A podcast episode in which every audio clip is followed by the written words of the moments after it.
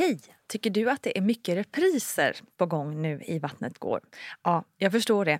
Det beror helt enkelt på att jag, Nina Campioni, just nu har en pop-up second hand i Modgallerian i Stockholm. Så min tid räcker helt enkelt inte tid att göra så många avsnitt som jag hade önskat. Men tills jag är tillbaka på full tid, kom gärna och hälsa på mig i Modgallerian. Vi ses! Tjena, hej, hej, hallå, välkommen till VG-ploggen med mig Nina Campioni. Och det är ju här vi snackar om tutti kring gravidrelaterade ämnen. Det känns som att det är en aldrig sinande burk av viktiga och spännande och kluriga ämnen, eller hur? Den här veckan tänkte jag att vi skulle ta ett omtag kring förlossningsskador, för det är ju något som många är oerhört rädda för och oroliga inför. Både med rätta och kanske inte. Vi reder ut det hela. Först och främst, vad är en förlossningsskada? Och jag har här hämtat information från Mag och tarmförbundet, stygn och Baking Babies på internet. En förlossningsskada är samma sak som en bristning och bristningar det kan ju uppstå i huden, i slemhinnorna och i musklerna i bäckenet. Och de här musklerna sitter då mellan slidan, mellangården och ändtarmen. Och förlossningsskador de delas upp i en fyrgradig skala, grad 1, 2, 3 och 4. Och viktigt att veta är att en förlossningsskada kan vara både fysisk, alltså i form av bristningar och skador på slemhinnor och muskler, eller också i psykisk form som nedstämdhet och depression. Och det senare kommer vi prata mer om vid annat tillfälle. Men hur många är det då som får en skada och finns det fog för den enorma rädsla som så många känner inför det här? Och idag saknas det konstigt nog en helt supertydlig statistik om hur många som faktiskt får en förlossningsskada. Men man uppskattar att ungefär 50 procent av alla förstföderskor får någon form av första och andra gradens skada. 2,5 procent får tredje och fjärde gradens förlossningsskada. Det är alltså rätt vanligt och inte alls konstigt med någon form av skada. Men viktigt att hålla i minnet är ju att det samtidigt inte är jättevanligt med en lite svårare skada. Enligt Socialstyrelsen har andelen bristningar både svåra och mindre minskat de senaste åtta åren. Och en konkret åtgärd som ligger bakom minskningarna är en bäckenbottenutbildning som bland annat Svenska barnmorskeförbundet står bakom. Och där lär sig vårdpersonal förebyggande åtgärder, de fördjupar sig inom anatomin och får praktisk träning i att motverka just förlossningsskador. Och en väldigt viktig åtgärd för att patienten ska få rätt vård är att två personer är närvarande när diagnosen för skadan skadan ställs. Men oron som många kvinnor känner inför förlossning är såklart befogad. Precis som all oro är befogad eftersom det är något som du känner och därmed är det en reell oro. Men även fast det är väldigt vanligt med förlossningsskador och bristningar så är det ju så att de allra flesta får en mindre bristning och antagligen kanske inte ens märker av det särskilt mycket. Som i mitt eget fall, jag fick en grad 1-skada vid min första förlossning och det var inget jag märkte av alls, vare sig när det hände eller i efterhand. Det enda jag märkte av var att jag fick några stygn sydda efter förlossningen och även då var jag bedövad så jag kände inte så mycket av det heller. Och jag hoppas att det kan lugna något att veta om. Men vad betyder de här olika graderna då? Det ska vi gå igenom nu.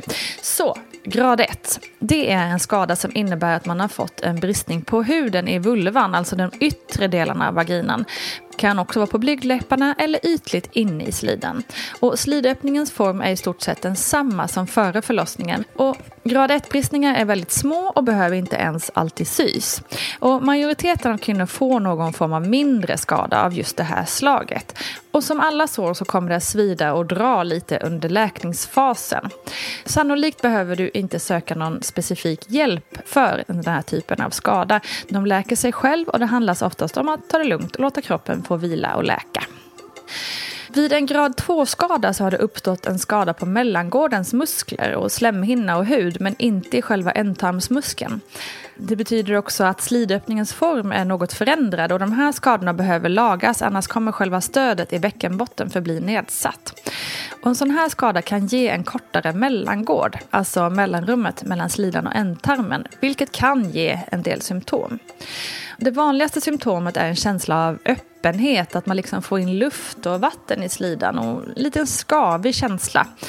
Man kan få svårt att bajsa och det kan kännas annorlunda eller till och med göra ont att ha sex. Man kan få en känsla av tyngd eller att något buktar inåt i slidan. Och en grad 2-skada behöver då sys. Och det varierar hur många stygn som sätts beroende på hur skadan ser ut. Och be alltid om smärtlindring i det här fallet. Om man får en grad 2-skada så är det extra viktigt med efterkontrollerna. För det finns risk att man inte upptäcker om det uppstått en levatorskada i anslutning till en förlossning. Utan det måste säkerställa i ett senare skede.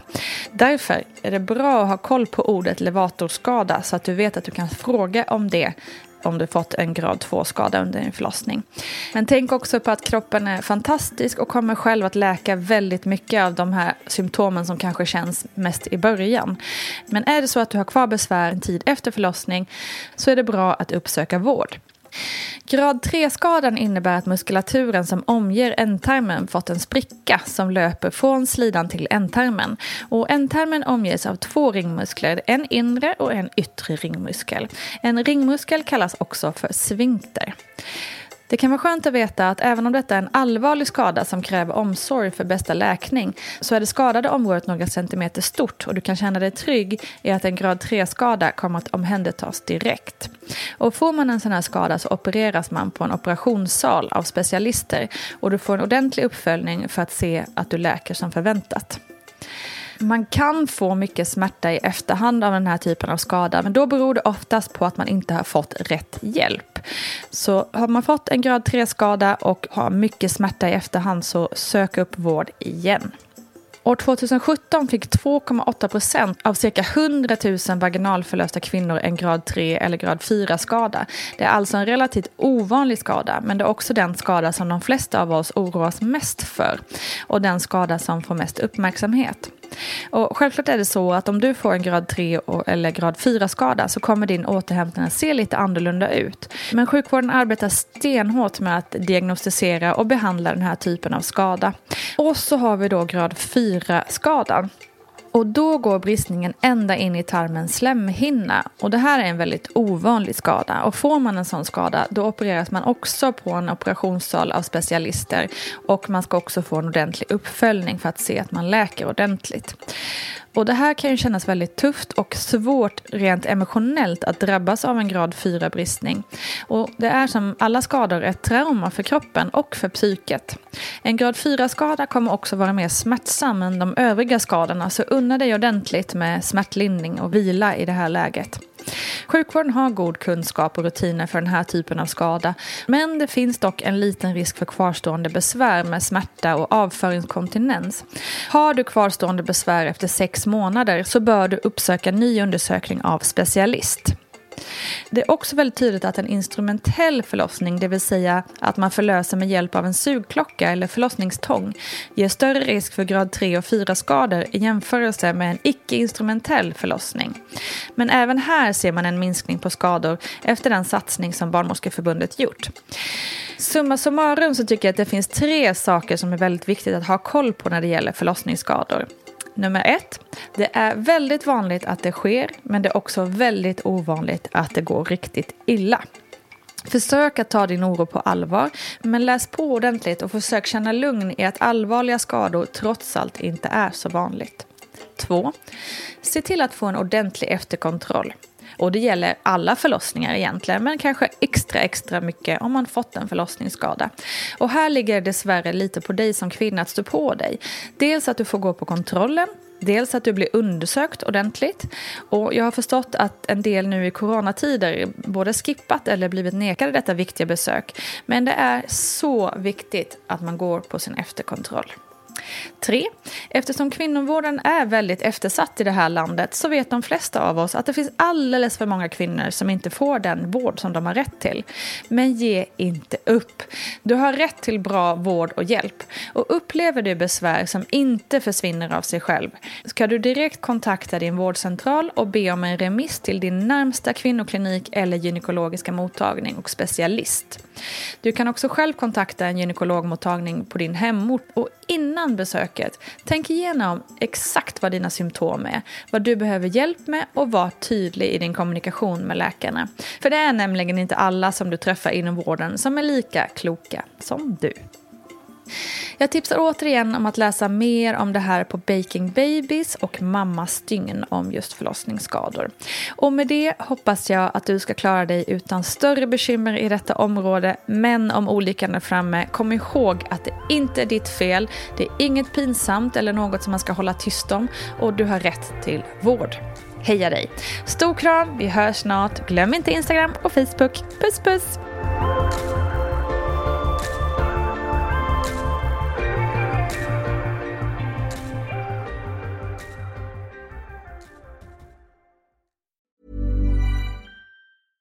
Spring, is that you? Warmer temps mean new Allbirds styles. Meet the Superlight Collection, the lightest ever shoes from Allbirds, now in fresh colors. They've designed must have travel styles for when you need to jet.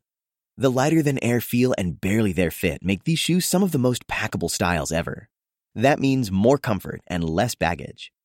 Take the super light tree runner on your next adventure. Its cushy, lightweight foam midsole supports every step, and the extra outsole traction gives you the grip to just go for it. The eucalyptus fiber upper adds next level breathability to keep you going all day. Plus, the super light tree runner is comfortable and ready to go right out of the box. So, what can you do in a super light shoe? What can't you do is the better question. And because they're super packable, the real question is where are you taking them? Experience how Allbirds redefines comfort. Visit allbirds.com and use code SUPER24 for a free pair of socks with a purchase of $48 or more. That's A L L B I R D S.com code SUPER24.